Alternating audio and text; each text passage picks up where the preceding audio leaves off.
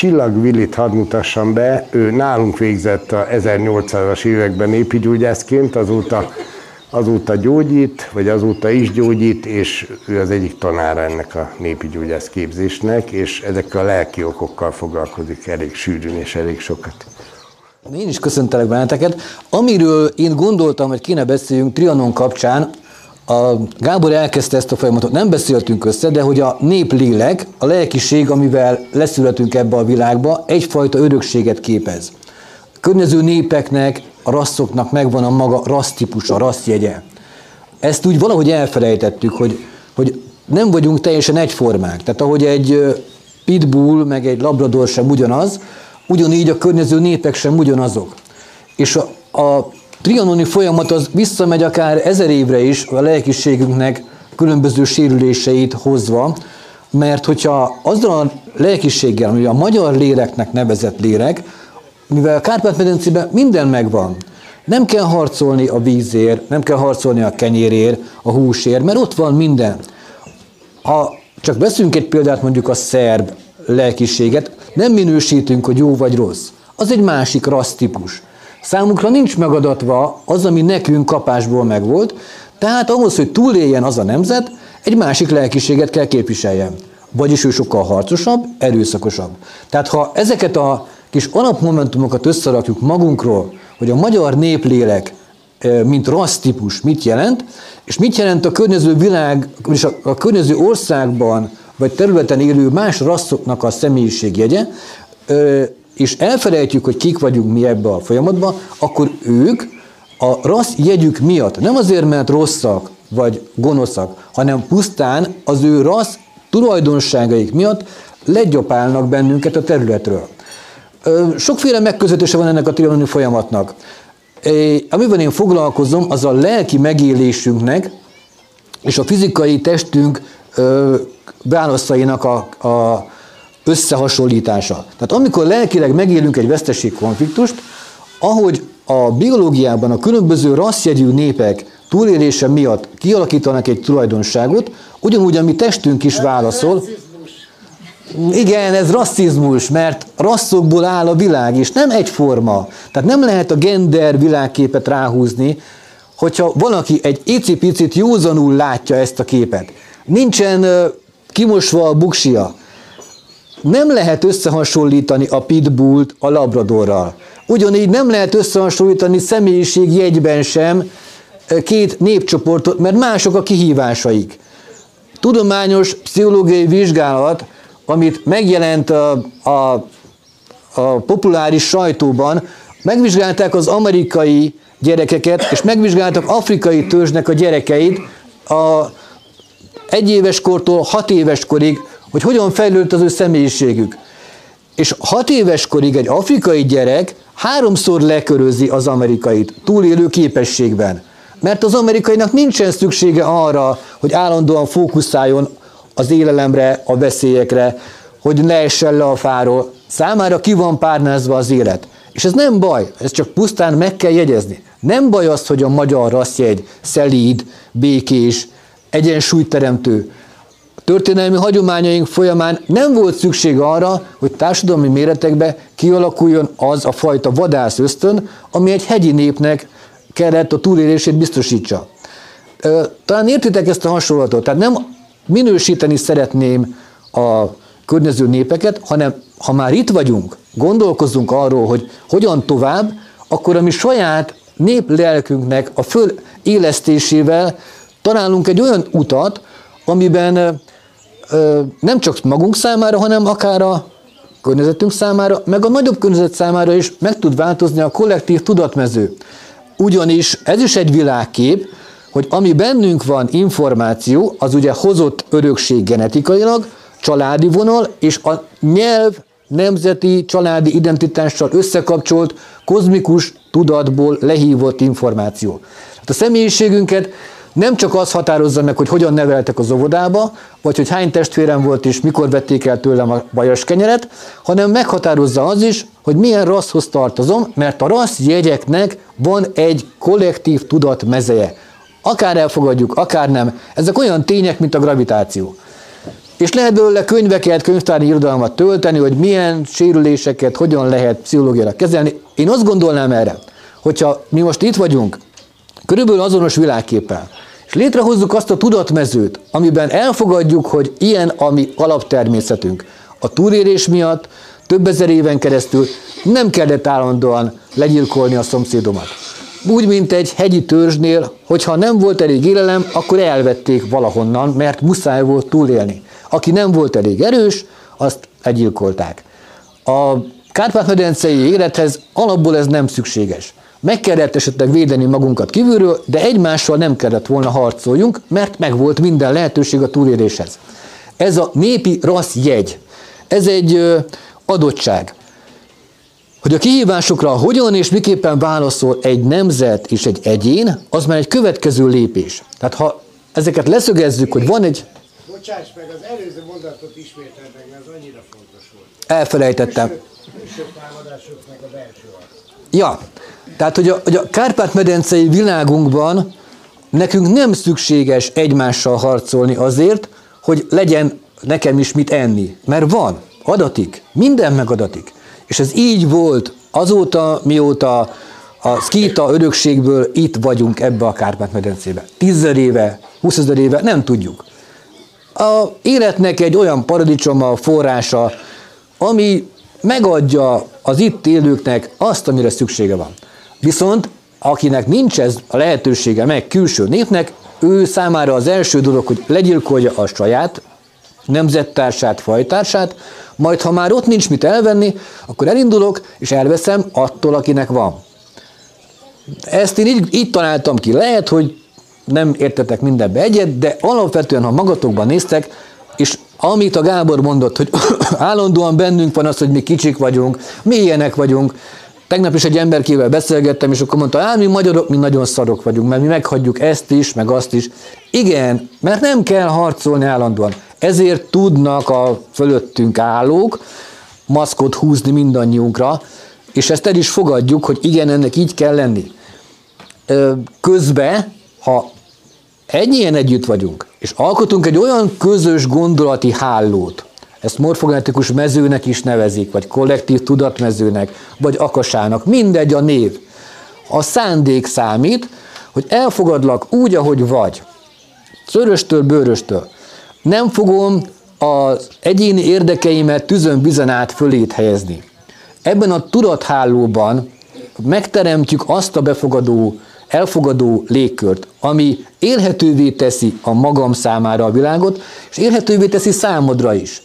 Ez az igazi magyar lélek, amiben együtt működő kapcsolatok alkotják a közösségeket. Mindegy, hogy távol vagyunk, vagy közel vagyunk. Ez ad lehetőséget a változásra. Amikor nem ítélek meg, akkor meg tudsz változni. Úgy jutottunk ide, hogy az egyén biológiai válasza és a rassz biológiai válasza a túlélésre címszóval. Tehát ahhoz, hogy, hogy a mi nemzeti tudatunk valóban egészséges legyen, és legyen értelme ennek a magyarnak nevezett fajnak áldozatokat hozni számunkra is. Tehát nekem sokáig kérdés, hogy érdemes-e mondjuk ezért a nemzetért most bármi, bármi áldozatot meghozni. Na ugye stadion lesz belőle, vagy nyaraló a horvát tengerparton. És közben ez kellene, idézőjelbe, hogy bennünk, itt, akik itt együtt vagyunk, nem egy keserűséget, nem haragot, nem butogatást, hogy azért, mert a büdös zsidó, meg a nem tudom ki ellopta, meg elviszi, meg így. Tehát, hogy az, ami a nemzettudatunk ősi része, hogy együtt működő lelkiséget képviselünk, az működtetné a mi kis közösségeinket is, és működtetni ezt az országot is akkor, hogyha többségben lenne ez a fajta gondolkozás, és nem lenne a kisebbség része az, hogy büszkék vagyunk arra, ami a mi örökségünk. Tehát most jelenleg megfordult a világ, tehát fordítva ülünk a pacin, akinek ö, valami ö, dolga vagy tennivalója lenne ezért a nemzetért, az mind el van nyomva és meg van keserítve. És ez is egy elképesztő technika. Tehát, hogyha ha csak a túlélő technikákat nézzük, ha van egy nemzet, akinek a tagjai nem akarnak egymással harcolni, megvan mindenük, jól élnek, boldogok, akkor őket nem lehet csak úgy egyszerűen ebbe vagy abba a karámba beterelni. Kell hozzá egy olyan információ, amivel le van rombolva az egyénnek a, az a fajta önérzete, ami méltóságot ad. Tehát a méltóságot rombolják le most bennünk. Minden oldalról. Ha már együtt vagyunk, akkor mi építsük egymásnak ezt a méltóságát, és a Trianon kapcsán, ha már megemlékezünk arról, hogy a száz éves tragédiánk mennyi-mennyi szenvedést okozott, visszapörgetjük a történelem kerekét, a mérteket ott találjuk meg azért, mert elvesztették a mi őseink azt a fajta méltóságot, amivel eredetileg rendelkeztek, mégpedig, hogy én nem azért tudok csak megélni, tehát nem belőled tudok csak megélni, hanem érted, vagy veled is tudok együtt élni. Ez lenne az én egyik gondolatom arra, hogy, hogy a trianonat hogyan tudnánk visszafordítani. Amikor előkerül ez a gondolat, hogy elvesztettük az ország másik felét, akkor bennünk felépülhet az a világkép. Igen, elvesztettük a nemzetünk egy részét. Én nagyon sokat járok Erdélybe, és látom minden alkalommal az ott élő magyaroknak a keserűségét, szenvedését, ami teljesen jogos, napi szintű lelki traumákat okoz az ott élő honfitársainknak, azt, hogy elcsatolták az anyaországtól őket.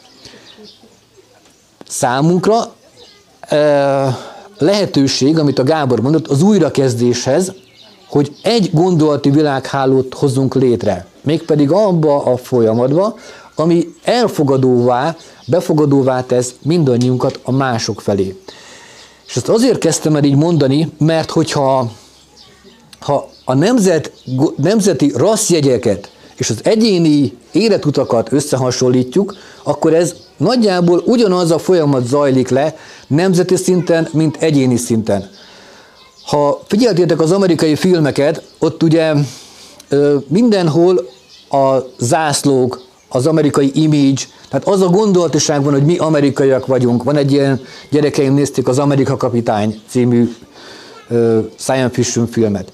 Tehát, hogy ott, aki amerikai, az természet fölötti erővel bír. És, ö, és ez egy nagyon érdekes világkép, hogy nekünk, akiknek nem kell küzdeni, nem kell harcolni, mindenünk megvan, egyéni képesség, kreativitás, tehetség, a nyelvünkben benne van olyan mélységeknek a kifejezése, megértése, ami esetleg más nyelvben nincs benne, mégis semminek is szarnak érezzük magunkat. Pont egy, egy katonatiszt barátom volt kint, a, amikor az amerikaiak ott voltak Szerbiába, mert jó régen volt, és mesélte, hogy próbáltak egy pontomhidat megépíteni az amerikaiak. Háromszor nem sikerült. És mind a háromszor a parancsnok kijött, megállt, és emberek, ti fantasztikusak vagytok. Örülök, hogy együtt dolgozhatunk. Meg fogjátok tudni csinálni. Bízzatok magatokba. Holnapra megcsináljátok. Persze holnap se sikerült. De ugyanezt megcsinálták következő nap. És megépítették. És akkor erre jött, hogy ő egy katonatiszt volt, egy ezredes. Ott kint mondta, bezzek, hogyha ezt mit csináltuk volna, meg hogy az én főnököm, mert mindenkit lefejeztek volna a kapásból. Mert hogy ugye a lelkiségnek ez a fajta változása kell ahhoz, hogy a trianon kapcsán egy olyan kollektív mezőt tudjunk létrehozni, ami felépíti újra az egyéniségünket.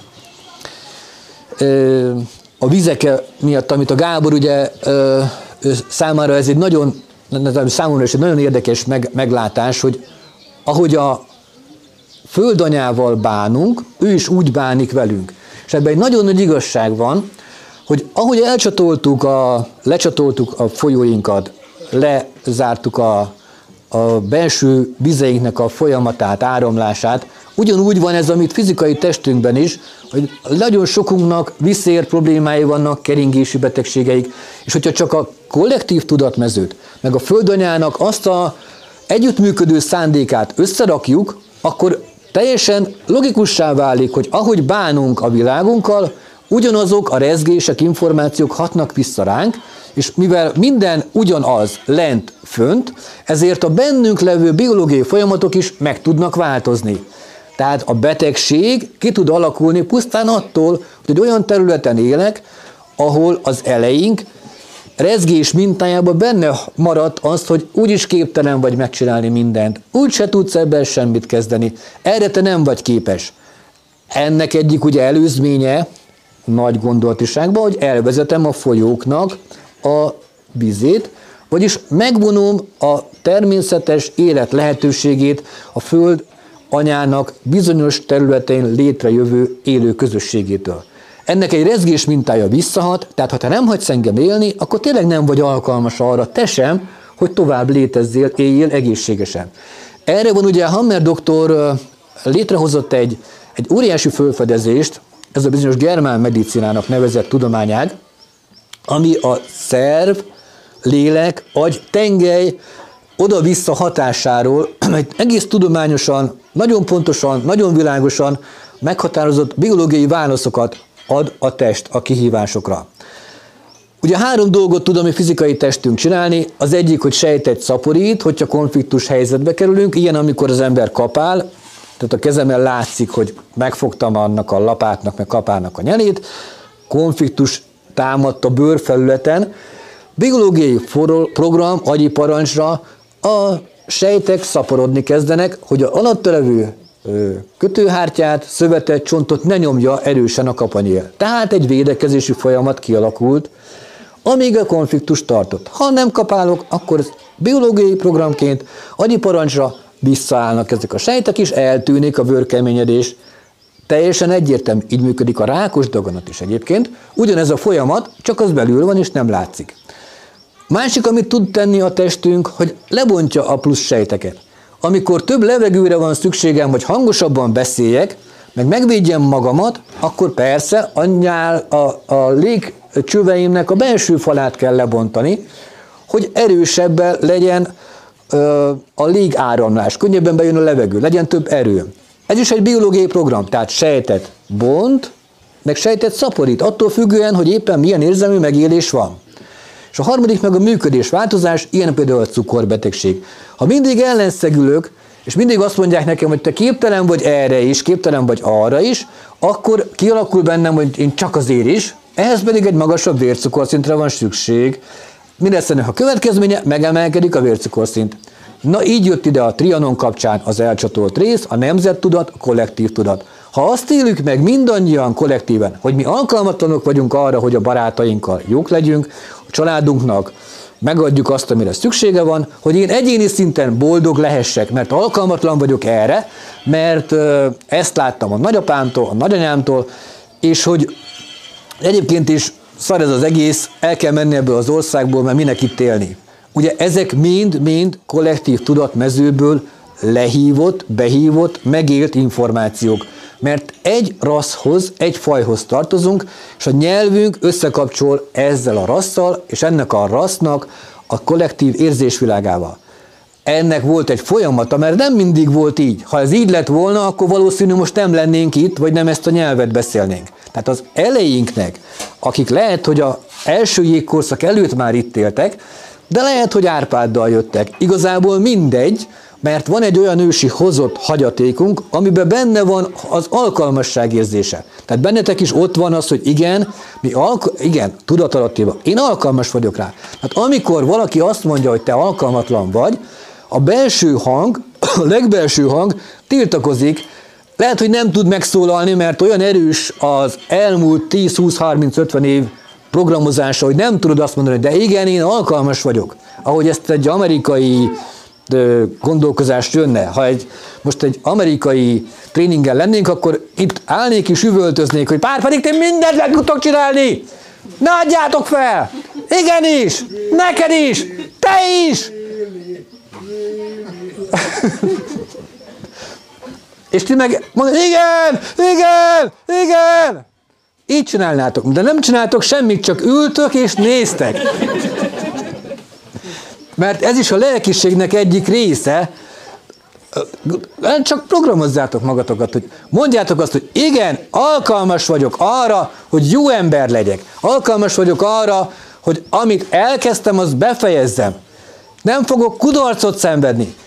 Alkalmas vagyok arra, hogy szerethető legyek. Mert ezek az információk hiányoznak ebből a világból. Mindenki az alkalmatlanságra van programozva.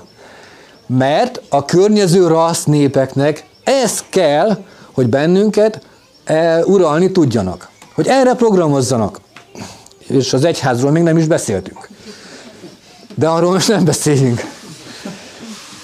Tehát, hogy, hogy számunkra, akik most itt együtt vagyunk, az lenne a jövő, hogy elsőképpen megértsük minden, ami kezünkben van. A, az előző példánál ö, maradva, hogyha egy gyermeket nem programozunk arra, hogy ő nem tud fára mászni, meg hogy vigyázz leesel, akkor ő fölmászik egy jegenyefára is.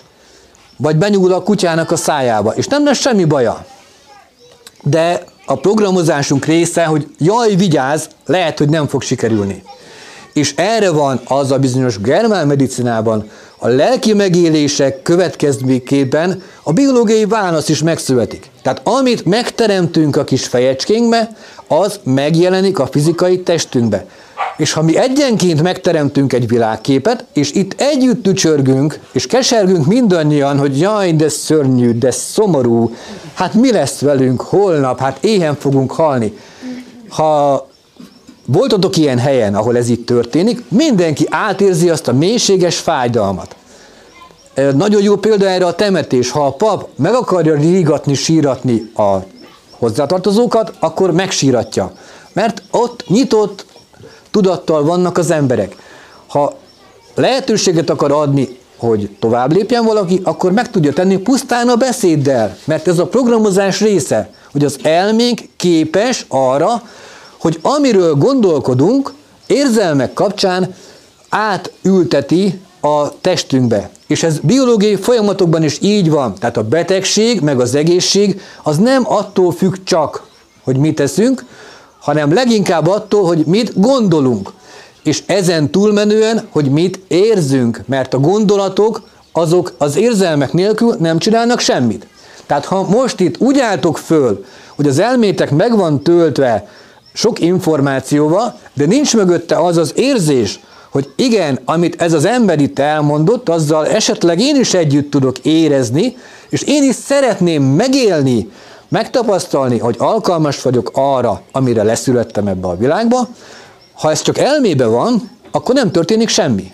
De hogyha érzelmekkel összekapcsoljuk a mi kis létünket ebbe a térbe, és megállapodunk abban, hogy mindannyian alkalmasak vagyunk arra, amire ide eljöttünk, ebbe a világba, akkor megalakul egy kollektív tudatmező, amihez akkor is tudtok csatlakozni, hogyha éppen ellopták a biciklidet, vagy leestél a fáról és visszamentő, a, vagy bármi az anyósod kihúzta a széket, vagy bármi történt. Hozzá tudsz csatlakozni az élet nehézségeibe. Mert azzal, hogy ebbe a Kárpát-medencei világba el vagyunk úgy idézőben nyomva, mint nemzet, és ennek a nemzetnek az életérzéseit átvesszük, át ragad ránk, hogy mi semmik vagyunk, ez nem belülről fakad, hanem egy külső energiamező. A, amiről beszélgetek, ehhez ugye kell egy-két olyan alappillér, hogy feltételezzük, hogy nem csak fizikai testünk van, hanem van egy örökkévaló lényünk is. Tehát ezek az alapok, ha nincsenek lerakva, akkor ezt a kérdéskört most nem tudjuk továbbítatni, akkor akinél ez nem így van, számára bolondság, amiről beszélek, és nem is egy nyelvet fogunk beszélni, ha a kollektív tudatmezőnek a fizikai megnyilvánulását nem fogadjuk el. Tehát, hogy amit most itt gondoltok, annak a 80%-a nem bennetek van. Tehát nem itt van a buksiba, hanem kint van a hálóba, és onnan hívod be. És hogyha te azt akarod behívni, hogy már pedig én igenis képes vagyok arra, hogy amit elterveztem, elgondoltam, megcsinálom, és érzelmeimmel is mellé teszem, hogy igen, az érzelmeim is ott vannak, akkor egészséges leszel, sikeres leszel, és boldog leszel. Ennyire egyszerű a világ. Tehát bármilyen bonyolult rituálét előadhatnánk most itt együtt, ha ez a három életérzés nincs mögötte, akkor nem értük el a célt. Tehát nagyon fontos lenne, úgy érzem meg, úgy élem én meg, hogyha egy világképet alkotunk, akkor az érzelmeinket kapcsoljuk össze, hogy igenis alkalmasok vagyunk arra, hogy amért eljöttünk erre a földre, azt be tudjuk futni. És a gyógyulás pedig egy pillanat alatt megtörténik, hogyha az érzelmeket is mellé tesszük. Tehát egyáltalán maga az, hogy mit jelent gyógyítás, ez egy nagyon érdekes fogalom a mai körbe. Ezerféle titulus van. Azt gondolom, így a sok év tapasztalatából, az a gyógyítás, amikor a lelkem harmóniába kerül a fizikai testtel. És hogyha ez fűvel, vagy fával, vagy beszélgetéssel történik meg, akkor az már gyógyítás. Pont a népi hagyományoknak elképesztő nagy tárháza van, benne van a vizeletterápia, az, hogy esetleg adott esetben szélterápia, gyógyító beszélgetések címén a gyónás a régi időkben. Vagy ha emlékeztek rá, ugye azt, azt gondoljuk, hogy a, a szemölcsökre jó a vérehuló fecskefű. Na most nem biztos, hogy jó rá. Tehát többen kipróbálták már, és nem múlik el a szemölcs. Mert ugye a szemölcsnek lelki oka van minden esetben. Az a lelki tényezője, hogy kültokarú séma szerint működik, és valamitől el akarom magamat választani. Kinek volt szemölcse általában? A legtöbbször, amikor belenyúlt az ember valami koszos, sáros, akármilyen lébe, és utána másnap szemölcsös lett a keze vagy a lába. Mit mondott a népi hagyomány? Bekened vérehulló fecskefűvel, éjfélkor elmész a templomba, vagy a templom kertbe, volt egy kegyeleti szobor, vagy valami olyan hely, ami kultikus hely, volt egy mondóka, ami nagyjából úgy hangzott, hogy ezt a szemölcsöt én most innen letagadom, az ördögnek átadom, az üzmária vedd el tőlem, és eldobom. És közben bekente vérehulló fecskefűvel az egyén. Mi volt ennek a lelki folyamata? A fecskefű hoz egy mostani aleopátiás gondolkozásunk szerint egy vírusulő hatást, de valószínűleg inkább csak egy információt tartalmaz az életről. Benne volt a lelkiség, hogy én attól az életérzéstől, amitől szemölcsöm lett, ugye nem tudtam, hogy azért lett, mert belenyúltam az iszabba, de elszakítom magam. Tehát azt a elválasztási konfliktusomat megoldottam. Ezért működik a népi kultúrában a gyógyítás az információkkal. Most, hogy a mostani kvantum világunkban minden az információ köré fordult, mert a szándékok mögött ott vannak az információk, míg a legmagasabb rendű dolog, hát az információ, onnan az energia, és az energia pedig összeáll egy fizikai formációvá, tehát besűrűsödik az anyag. Az összes tudás, az összes gyógynövény, a, amit nekünk eddig előadtak, hogy ezt így kell, mert ebben vannak az alkaloidák, ez a működési mechanizmusa, az valójában információ. Meggyőződésem, és ezt többször kipróbáltam, bármilyen gyógynövény szinte bármilyen betegségre használható akkor, hogyha aki adja és aki veszi, megfelelő információs kapcsolatban van egymással. Amit én itt tanultam, az én világképen pont ez a fajta világkép volt, hogy valamit valamiért. Azt gondoltam, hogy eljövök a népi gyógyász képzésre, annak idején, és akkor megtanulom azt, hogy a, a csalán, a ezerféle gyógynövény mire jó. És ez egy nagyon hibás kép, mert erre szocializáltak bennünket, hogy minden valamiről, valamire, valamiért használható. És a tudás az akkor jön, hogyha ide kiállok elétek, elmondom, ti megtanuljátok, és utána tudni fogjátok. De közben nem így működik a világ. Tehát ez is egy hamis kép, hogy a, a gyógyítás, mint olyan folyamat, az nem a alkaloidáknak a beviteléből fog össze, hanem azzal, hogy egymással kapcsolódunk. Azért is, hogy ugye kezelésnek hívják még a orvostudományban is azt, amikor valaki elmegy egy műtétre, orvosi kezelés. Ugye mi, mi ez a kezelés? Az, amikor oda és ráteszem a kezemet. Ez a kezelés. Az, amikor levágok be egy darabot, az már nem kezelés hogy ugye a borogatás, miből fakad a szó? Hát a borból. Mit csináltak az elejénk? Fájt az izülete, a legjobb borra beborogatták. És akkor onnantól kezdve az az információ, ami a szőlőbe benne van, hogy állandóan nő, mindent beborít, rugalmas, hajlékony, átkerült a csontokba. Mert miért lett fájdalom? Azért, mert felborult az érzelmi megélésem, és ezért a biológiám egy külön programot elindított. Tehát azzal a világképpel, ami összefügg most a Hammer doktor munkásságával, nincsenek betegségek. Tehát az egész folyamat torz. Tehát a minden, amit ebbe a világban most tudunk, az lenne a legtisztább dolog, hogyha itt kiürítenétek a buksitokat. Én is minden cs, cs, cs, kész, üres lenne a fejünk, és betöltenénk újra a, azzal, amit mi akarunk. Tehát ezt ugye nem tudjuk megcsinálni. Meditációknak van egy olyan folyamata, van egy olyan, hogy ülj le, üresíts ki magad.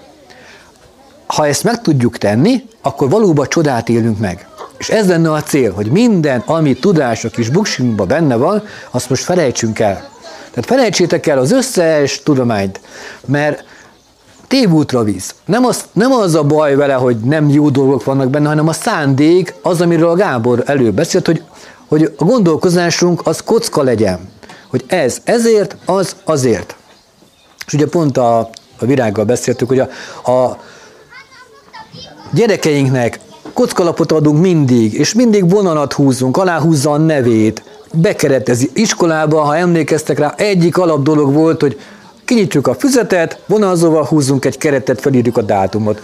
Tehát a, nem tűnik ez föl, hogy ezek a cselekedetek kockába rakják az életünket.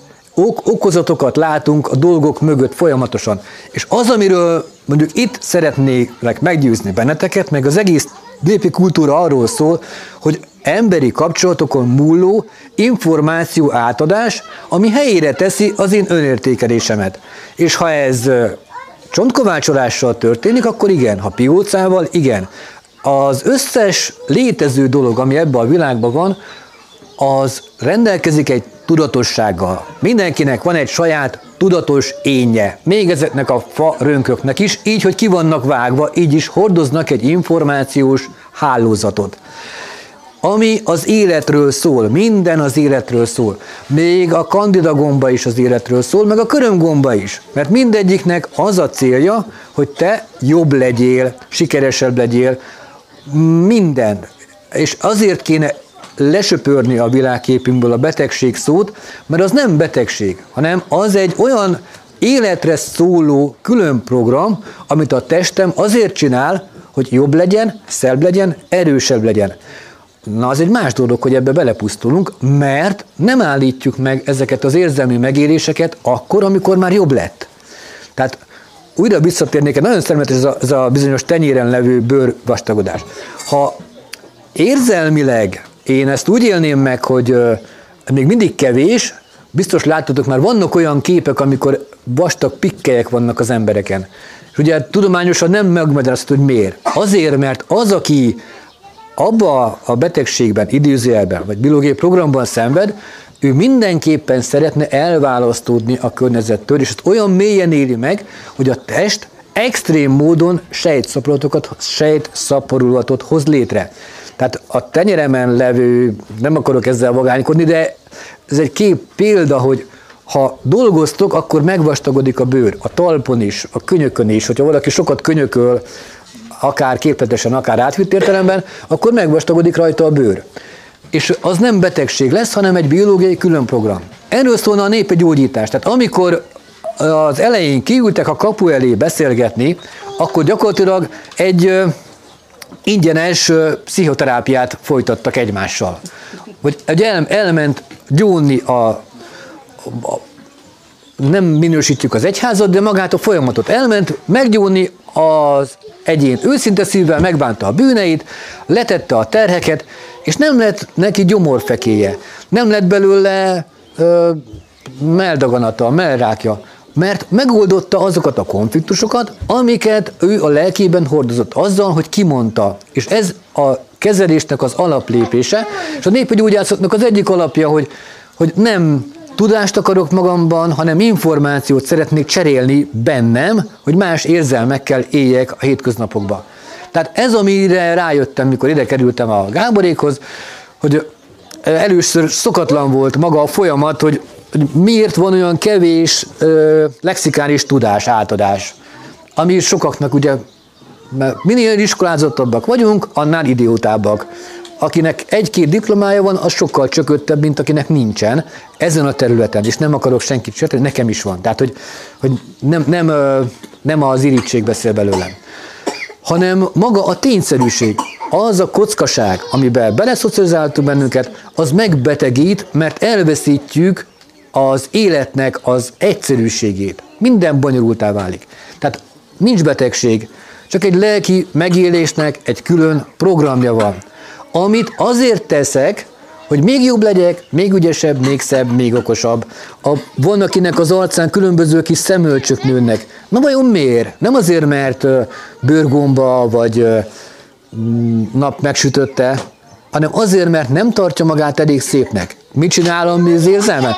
Belenéz a tükörbe, és még mindig azt érzi, hogy nem vagyok elég szép. Mi lesz a biológiai válasz? Hát akkor növesztek egy kis csomót. Na most tetszel magadnak? Á, nem, most még két nem. Akkor még nagyobb lesz, jó? Hát, ha itt tetszeni fogsz. Mert az agyunk nem ö, az, tehát az, a kis buksink az nem így gondolkozik, hogy mik az éppen a divat trendek, hanem az érzelmeinkre ad egy választ. És ezt találtam meg a népi gyógyászatban, hogy ha logika szerint veszem, akkor pontosan ellentmondó dolgok vannak benne. Mert az egyik tájegységben a kakukkfüvet használják, a másik tájegységben meg a kamillát, ugyanarra a betegségre. Az egyik gyógyító használ 10 főre, a másik 15 féle növényt ugyanarra a dologra, és azok teljesen ellentétesek egymással, amit az a hagyományos, tudományos vizsgálatok szerint megnéznénk. Tehát mi következik ebből, hogy a gyógyítás folyamata az a kezelésen múlik, és az egyénem. Ha ti most itt átformáljátok a kis buksitokat, össze boronálódunk abba a világkébe, hogy minden értünk van, semmi nincs ellenünk, és így éljük a hétköznapjainkat, hogy minden jó, mert ugye, ha csak a Bibliát vesszük alapul, ugye az első oldalon az van, ha jól emlékszem, hogy és látál az Úr, hogy minden jó. Tehát amit teremtett, az jó. Nincsen benne rossz. És hogy nincsen bennünk sem rossz. Tehát a, a népi gyógyításról, ha beszélgetünk, akkor, akkor a tájegységenkénti teljesen ellentétes hagyományok, tradíciók, trendek, azok azért vannak, mert ott abban az információs körben, aki betegnek mondta magát, vagy beteg volt, emberi kapcsolatot teremtett a gyógyítójával. És ennek az egyik folyamata a népi kezeléseknél, ugye van a csontkovácsolás, az inazás, a kenés. Mind a három fizikai fájdalommal jár általában. A az ősi sejtprogramunk a régebbi, ezek a hagyományokban a beszocializálódás más volt. Tehát az elejénk sokkal jobban fájdalomorientált világképet képviseltek. Tele volt küzdelemmel, harccal, sérülésekkel, sebekkel, tehát számukra a fájdalom nem volt annyira idegen, mint nekünk. Tehát ha most valamelyikünket megkezel egy hagyományos népi gyógyító, akkor leizzad, véres verejtéket fog izzadni, és nem mindenki gyógyul meg tőle. Abban az időben nem volt ez kérdés, mert lelkileg azonosultak azzal, hogy ugye ami fáj, az a kezelésbe az gyógyít. És ezt a világképet mai napig is az orvosok is használják. Ne ugráljon, ne mozogjon, és beleszúrják a tűt. Mm, ezt a fájdalmat ki kell bírni, mert ez érted van, ugye szokták ezt mondani. És hogy ez valóban így van. Tehát ez is az információnak egy része, hogy az őssejt képzés, ha fizikai fájdalom történik a testen, ott elindul, mint egy védőmechanizmus. Tehát az az információ, ami ö, tudatosul bennünk, nagyságrendekkel kisebb, mint a tudatalatti működésünknek az információs hálózata. Tehát, hogyha a szándék tiszta, és a kezelés arról szól, hogy én szeretlek téged, akkor önmagában a szeretet információja már meggyógyítja a beteget. Van egy népi hagyomány, az ólomöntés, biztos hallottatok már róla, vagy láttatok ilyet, régebbi filmekben van. Mi történik ilyenkor? Valakit meg nem tud aludni, álmatlan éjszakája vannak, rettek, fél, étvágytalan, depressziós, elviszik a faluba az öreg nénihez, leülteti, fog egy tányér olmot, fölmelegíti tüzön, fölé raknak egy tányért, és az olmot beleönti a vízbe. A feje fölött van a tányér, kell hozzá, hogy a víz az tiszta legyen, tehát nem klórozott csapvíz, hanem organikus folyamat. Az ólom hoz egy formát, a gondolati formát, ami az érzelmekben megnyilvánul, és a páciens az esetek nagy részében egészségesen és boldogan távozik. Amihez ma legalább olyan 100 forintos pszichiátriai kezelésre van szükség, vagy pszichológus kezelésre, hogy ugyanazt elérje a pszichológus sok-sok órás beszélgetéssel, amit egy ilyen ólomöntéssel meg lehet tenni. Mi történik? Felborul az egyén önértékelése, konfliktus helyzetben ad egy biológiai választ az elméje, lezárnak a kapuk, az agyi relék, megváltozik a struktúrája az aurának, és várja az időt, hogy visszaállhasson. Tehát az idő az a tényező az egészségben, ami mindig helyreáll, hogyha megfelelő környezet van. Tehát az önvédelmi folyamatainknak a része, hogy bezáródnak az érzelmi kapuink. Ezért leszek depressziós, hogy ne jöjjön be több információ. Mit csinál a pszichológus? Kibeszéltet, amit eltart egy évig. A népi gyógyászatban ez a bizonyos ólomöntés, azt a torzított információt, amivel lezártam magam, és megsérült az aurám, meg az energiamezőm, a anyagon keresztül áttransformálja. Tehát ez a folyamat, hogy energia, ö, ö, tehát információ, energia, fizikai anyag, ez visszafele is működik. Tehát az anyag sérülését tudom az információval visszaállítani. Sérült a fizikai aurám, a tiszta szándékkal végzett ö, anyagi ö, érintkezés helyreállítja a sérült energiamezőmet. Ennek következtében az érzelmeim kioldódnak, kinyílnak a relék, és újra szép lesz a világ. Három perc az egész. Tehát erről szól maga a népi gyógyítás, hogy a, a szándékok tiszták alapból, az embereknek megvan a bizalma egymás felé, és segítségül hívjuk a, a kozmikus létet, magát a Teremtő Istent. Ugye a népi gyógyászat nem működik hit nélkül. Tehát ez megint egy jelen világunknak egyfajta ilyen csűrcsavara, hogy, hogy azt gondoljuk, hogy pusztán tudással, meg az információk begyűjtésével valamit meg tudok tenni. Tehát a, a teja főzés sem működött a népi kultúrában hit nélkül. Még egy csontkovácsolás sem. Tehát nem kiropatikus volt, akit kezelt, hanem egy hívő ember, aki hozzád ért, és helyreállította azokat a elváltozásokat, amit érzelmileg létrehoztál magadból. Tehát érzelmileg is helyre rakott. És ehhez kellett az a fajta hit, hogy én csak egy eszköz vagyok a mindenható Isten kezébe. Tehát ha megcsontozzuk az egész világképünket, akkor a népi gyógyászat egy Isten hitnek az átadása számodra, ha te vevő vagy rá, akkor a kozmikus tudatba be tudsz kapcsolódni, és az életed ö, addigi sarkalatos pontjai helyreállnak.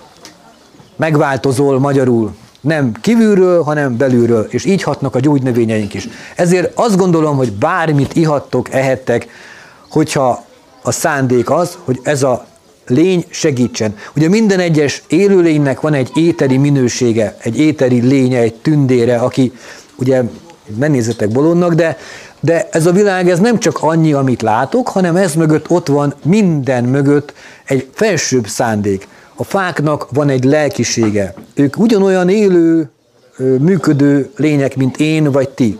Lehet velük beszélni. A gyógynövényekkel szintén lehet kommunikálni. Tehát ezek a növények információként nem fognak odaállni melléd, és ugye beszéltük, hogy Sinkovics Imre hangján megszólalni, hogy már pedig most azt tedd, hogy itt menjél két lépést, és akkor femelj föl engem, és meggyógyulsz. Hanem hozzád szól, én segítek neked. Készítesz egy teát, és valóban helyreáll az, ami eddig nem sikerült. Na, ilyen egyszerű. Van-e ezzel kapcsolatban kérdés? Minden, akkor mindent tudtok. Mi a helyzet a, a balesetekkel? Az egy egészen más terület. Baleseteknél szintén az információ sérülés, nem, érthető legyen. Tehát a növényeink nem csak a lelki elváltozásokat segítenek helyreállítani, hanem a fizikai elváltozásokat is. Például a fekete nadálytőt szoktuk ugye csonttörésre, húzódásra, zúzódásra, az utifüvet ö, szintén zúzódásra, húzódásra, mert ő azt az információt hordozza, amiben segítő szándék, tehát az ő asztrál lénye, az a segítő tündér, aki a fizikai folyamatoknak a helyreállításában működik közre. És ha baleset ér, természetesen be kell kötni, el kell látni, mindent meg kell tenni, és a gyógynövényeket ilyen formában segítségül lehet hívni. Ott már lehet, hogy nem mindegy, hogy melyiket használjuk, mert ő speciálisan segítő ebben a folyamatban. Ha lelki elváltozás van, mert lelkileg megéltem valamit, ami nem úgy volt, aki gyógynövényként gyökérrel a földanyához kötődik, a levelével az égi minőséget összeköti, és ezt én elfogyasztom, akkor bennem is helyreáll a föld és az ég közötti kapcsolat. Ez, ezt gondolom. Tehát, hogyha speciális dologról van szó, akkor lehet speciálisan kérni segítséget a növényektől.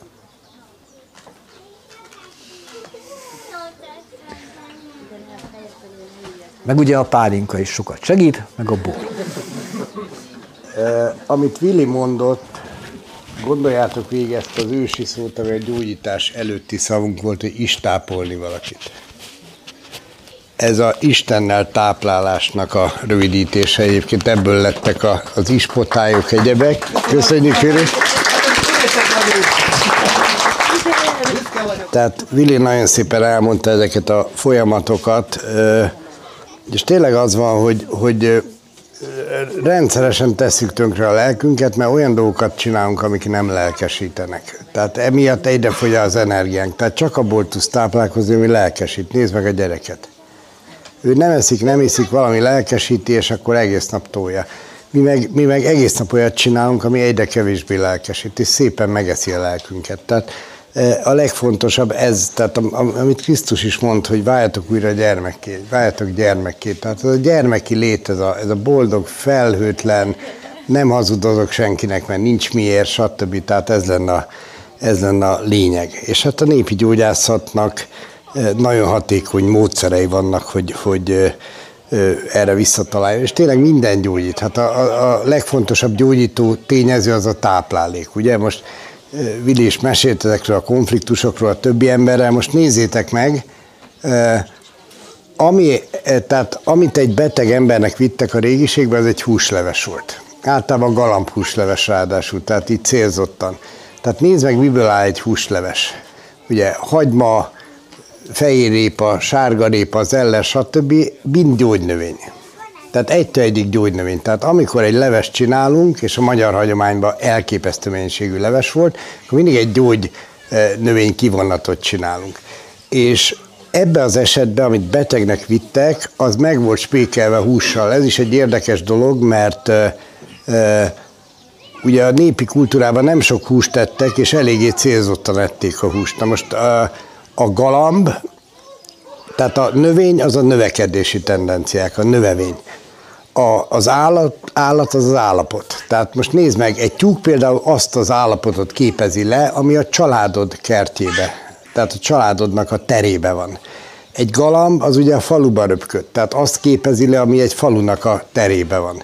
És, és attól függően nyilván, hogy a konfliktusok zöme az nem biztos, hogy családból jön, lehet, hogy egy másik emberből, a faluból, de az a lényeg, hogy ezeket, tehát az, az állatot köröz a faluban, lecsipegeti azokat a, vagy ez a szárnyas, az, köröz, az a madár, az a galamb körözött a faluban, lecsipeget mindent, az információ belekerül a testébe, és ez is egy információs gyógyítás, minden információ gyógyászat a világban. A, a gyógynövények, és ez is érdekes, amit a, a Vili mondott, hogy ezen egyébként én is kiakadtam gyűjtésnél, hogy, hogy mit tudom, megkérdeztem, hogy erre a betegségre mi való akkor lejegyzeteltem, nagy nehezen kibogaráztuk, hogy mi lehet ez, mert ahány tájegység, annyiféleképpen hívnak egy növényt. És akkor befejeztem, na megkönyörültem, de az nincs az a búrján is jó, és már diktálta a következő. De az nincs az a búrján is jó, és akkor ilyen kis növényhatározó, itt nyomtam tele 10-20-50 oldalakat és ráadásul ami durva volt, hogy ezek növényrendszertanilag totálisan mások. Tehát teljesen más helyen vannak, nem is lehet azonos a. És akkor jöttem rá egy idő múlva, hogy nem így működik, ez, ezt is rosszul tanítják nekünk, még a gyógynövény használatot is. Mert azt tanítják, hogy hatóanyagok vannak, igaz? Tehát egy gyógynövénynek a ható tényezője a hatóanyag. Igen, ám csak itt van egy kis gebasz. Mert például a kamilla az egy illóolaj a hatóanyag tartalma. Tehát hivatalosan az illóolaja miatt gyógyít, csak az a baj, hogy abban a pillanatban, hogy beledobod a lobogó vízbe, az már is tűnt az illóolaj. Tehát ez megszűnt benne létezni. És napokig ott rotyogott a spartert szélén a, a kamillatea, és gyógyított. Tehát nem ezen múlik, de nézd meg a kamillát, nézd rá, mint képet nézd, ugyanis ezek szimbólumgyógyítások, szimbólumterápia. Megnézed a kamillát, van egy gyönyörű sárga belse és egy fehér aurája. Milyen? Mit szimbolizál a kamilla? A nap, így van.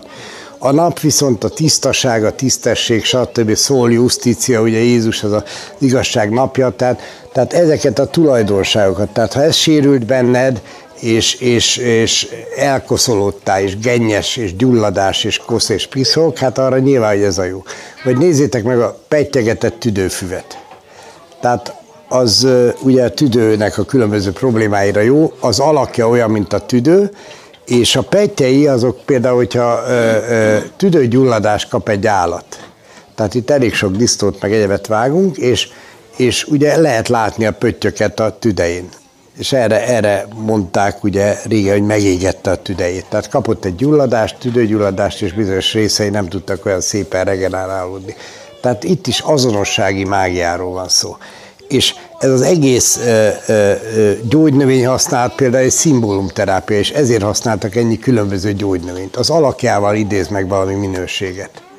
És ezek a minőségek játszanak az életünkben, és ezekkel nem foglalkozunk. És Csontvári nagyon érdekes, tehát ő volt az egyik utolsó nagy táltosunk, és ő, ő, ő, ő elmondja ezt, hogy a tiszta minőségek összekeverednek. Tehát ennek a világnak az lesz a vége, az lesz a romlása és akkor elmondja, hogy, hogy az élelmiszerek egészségtelen osztályozása, tehát ami most történik, hogy van egy teljesség, mondjuk egy mag, egy gabonaszem, és ezt a teljességet tönkre tesszük, mert a, a fehérlisztet megesszük, a külsejét odaadjuk a disznónak. A disznó az nő tőle, egyre egészségesebb lesz, mi meg egyre betegebbenek a fehérlisztől. És ez mindenne így van, mindent így csinálunk, hogy nézd meg egy ragadozó állat, oda megy a, az áldozati állathoz, és először a belső szerveit teszi meg, és legutoljára a húst, mint a legértéktelenebbet. Mi pont fordítva csináljuk. Tehát azt kidobjuk ugyebár, de már ilyen, hogy már pacalt nem lehet kapni, meg, meg semmi ilyet nincsen. És akkor ami értéktelen, mondjuk egy, egy csirkéből a melleusa a legértéktelenebb. A legnehezebben emészthető, hiába mondanak ellentétes dolgokat, és a legtöbb salakanyag van benne. Most már olyan csirkéket tenyésztenek, hogy csak melleusa van.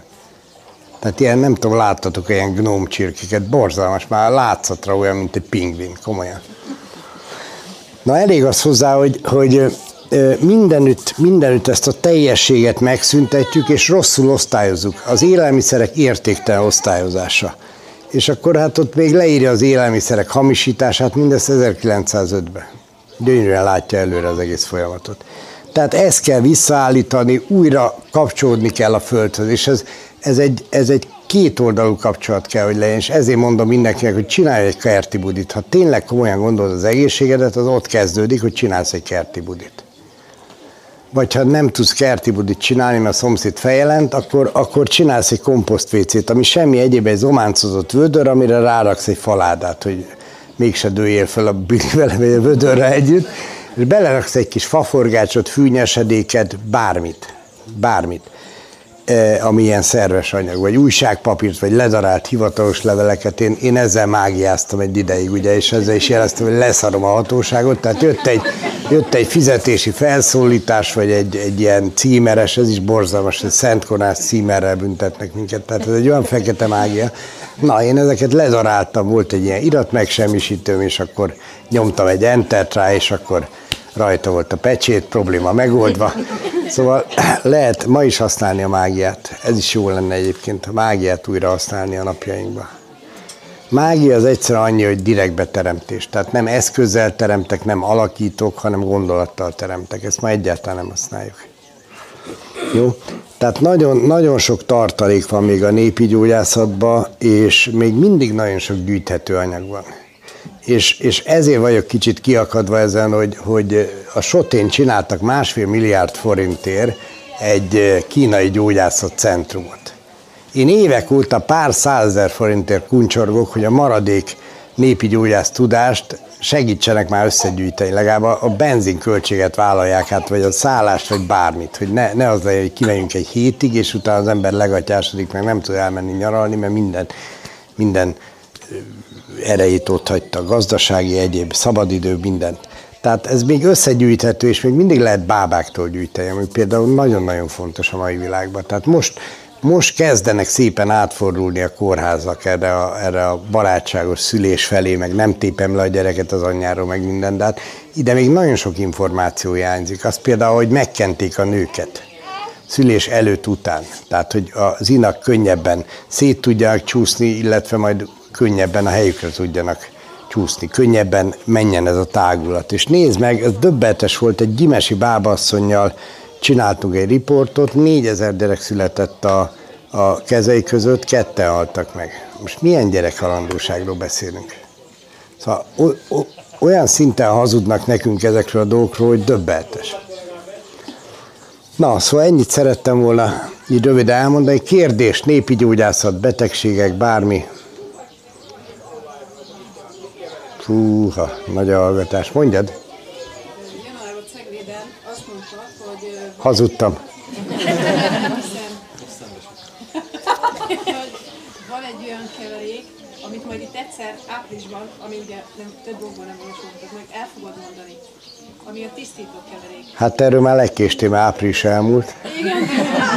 Na, eh, annyi a lényeg, hogy nagyon sok évvel ezelőtt kikísérleteztünk egy béltisztítót, tehát nem egy nagy mágia, tehát nem volt nehéz összerakni. Ugye a beleink azért nem működnek, mert feldolgozhatatlan élelmiszereket eszünk.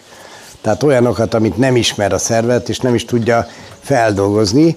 Ennek egy része sajnos bekerül a vérbe. Tehát például a margarinok, meg az ilyen transzsírok, ezzel az a baj, ezt nem ismeri meg a szervet, és nem tudja lebontani de egy részük meg a bélbolyhokba, bélbolyhok között marad, ilyen bélmászként. Tehát ez az alagút, ez belül ilyen kesztyűkkel van kibélelve, ez egy hatalmas felületű rendszer, és akkor itt a bélbolyhok közé így szépen betelepül a 57-es macisajt, a 62-es párizsi, a 75-ös, mit tudom én micsoda, érted, szaloncukor, és a végén már csak a legteteje e, tud a szarból anyagot felvenni mert ez a hatalmas felület azért van, hogy ki tudja bányászni azt, amire a szervezetnek szüksége van. Na és akkor csináltunk, hát először egy mechanikus béltisztító volt, agyagot etettünk az emberekkel. Tudod, majd a sárga föld meggyógyítja, kezdjük el. Most ezzel az volt a baj, hogy ugyanaz, mint a bőjtel. Tehát ma azért nem lehet bőjtöt csinálni, mert ugye az ember két nap múlva elkezd átkapcsolni a víztartalékra, ami a zsírja a, pontosabban a bélháj az első vésztartalék. De ebben meg annyi mérget teszünk el, mert ugye a máj, hova tudja szerencsétlen eh, kirakni a, a anyagokat, amit kiszűr a vérből. Hát normális esetben ugye az epe ömléssel együtt menne ki a, a májnak a trutymó tartalma. De nincs epe ömlésünk, mert nem eszünk zsírosat. Szóval a normál paraszti reggeli, gondoljatok vissza akár a saját szüleitekre, a nagyszüleitekre, az jó zsíros, tocsogós, szalonna, tojás jó zsírosan, stb. stb. Az a lényeg, hogyha reggel találkozik a szervezet a zsírral, olajjal, stb. Mi lesz a válasza?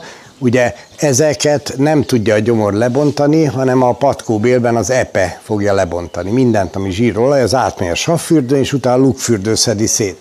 Tehát magyarul, ha te reggel zsírosat eszel, akkor azonnal reggel már epeömlésed lesz elkezd működni a májad, és ki tudja rakni a trutymákot magából.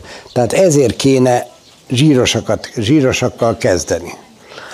És, és azért nem tudnak bőtölni az emberek, mert ugye a máj az nem tudja hova kirakni, mint zsírokba ezeket a mérgeket, és amikor átkapcsol zsírégetésre a szervezet, akkor elkezdi égetni a zsírt, de az tele van felszaporodott méreganyagokkal, és egyszerűen megmérgezi a szervezetet. Ezért vagy két nap után mindenkinek hány ingere van, feje fáj, minden baja van. És ugyanez volt a béltisztításnál, hogy igen, kiszedte innen, tehát ez egy mechanikus surolószer, tehát elkezdtek kiszedni a, a bélmázat, csak hát annyi méreganyag került ki, hogy, hogy baromi rosszul voltak az emberek és akkor csináltuk azt, hogy belekevertünk egy kb. egy 30%-nyi faszénport. És akkor elindult ez a, ez a Erdélyből ö, hoztuk a faszenet ilyen szénégetőktől, elindultak a szénvonatok, és akkor utána még jól működött, és akkor utána már jól működött, és akkor annyit csináltuk, hogy megtuningoltuk még egy kb. egy olyan 10%-nyi fekete dió kopáncsal. Tehát az amerikai dió, ez a, ez a elég nagy, teljesen gömbölyű dió. És annak a zöld kopáncsát kell kiszárítani porrá, őrölni, és ez egy nagyon-nagyon erős féregírtó. Ez meg azért kell, mert ott a bél máz alatt élnek ezek a, a, a zöme az élősködőknek ott él, tehát onnan lehet onnan kell kipucolni, és így már elég jó. Tehát ez egy mechanikus béltisztító, egy evőkanállal kell lenni a, a mindenféle étkezés előtt, ez nagyon fontos. Tehát a nassolsz akkor is, és akkor ez megy ez a vonat előtt ez a mozdony, és tolja ki az alagútból a szart. Tehát megy, a, megy az étel előtt, és tolja ki a szart. Úgyhogy ennyi a rövid története. Azóta van egy kiegészítés, amit egy erdély gyógyító csinált Tullit Levente, az egy ilyen két komponensű féregírtót, ami kifejezetten élősködő írtásra van, azt csinál, de annak is ott a hagyományban az alapja, mert ugye diólikőrök voltak nálunk, diólikőrök voltak, főleg így étkezés előtt tolták, és ürmös borok, azt is étkezés előtt tolták, mind a kettőt, és mind a kettőre mit mondtak? Étvágy csináló. De nem erről volt szó, hanem arról volt szó, hogy, hogy visszahozza az embernek a normális működését, mert mind a kettő erős féregírtószer. Egyébként a lovaimon figyeltem meg, régen volt nyolc lovam, és amikor ilyen férges időszak volt, akkor szarrá legelték a diófát. Tehát semmit nem hagytak rajta, mert ugye érezték, az, az állat az még érzésből érzi, hogy mi a jó, mi a rossz.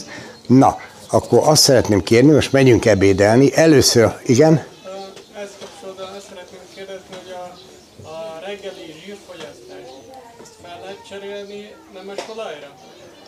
Elvileg föl lehet, de én úgy látom, hogy, hogy mégse egyenértékű a kettő. Tehát én nem hiszek a tiszta növényi táplálkozásba. Ezen az éghajlaton nem így működik az ember. Tehát minél éjszakabbra mész, annál több zsírt fogyasztanak, és minél délebbre, annál több olajat. Tehát mi itt, mi itt középen zsírt is és olajat is kéne fogyasszunk, de nem lehet egy, csak az egyiket.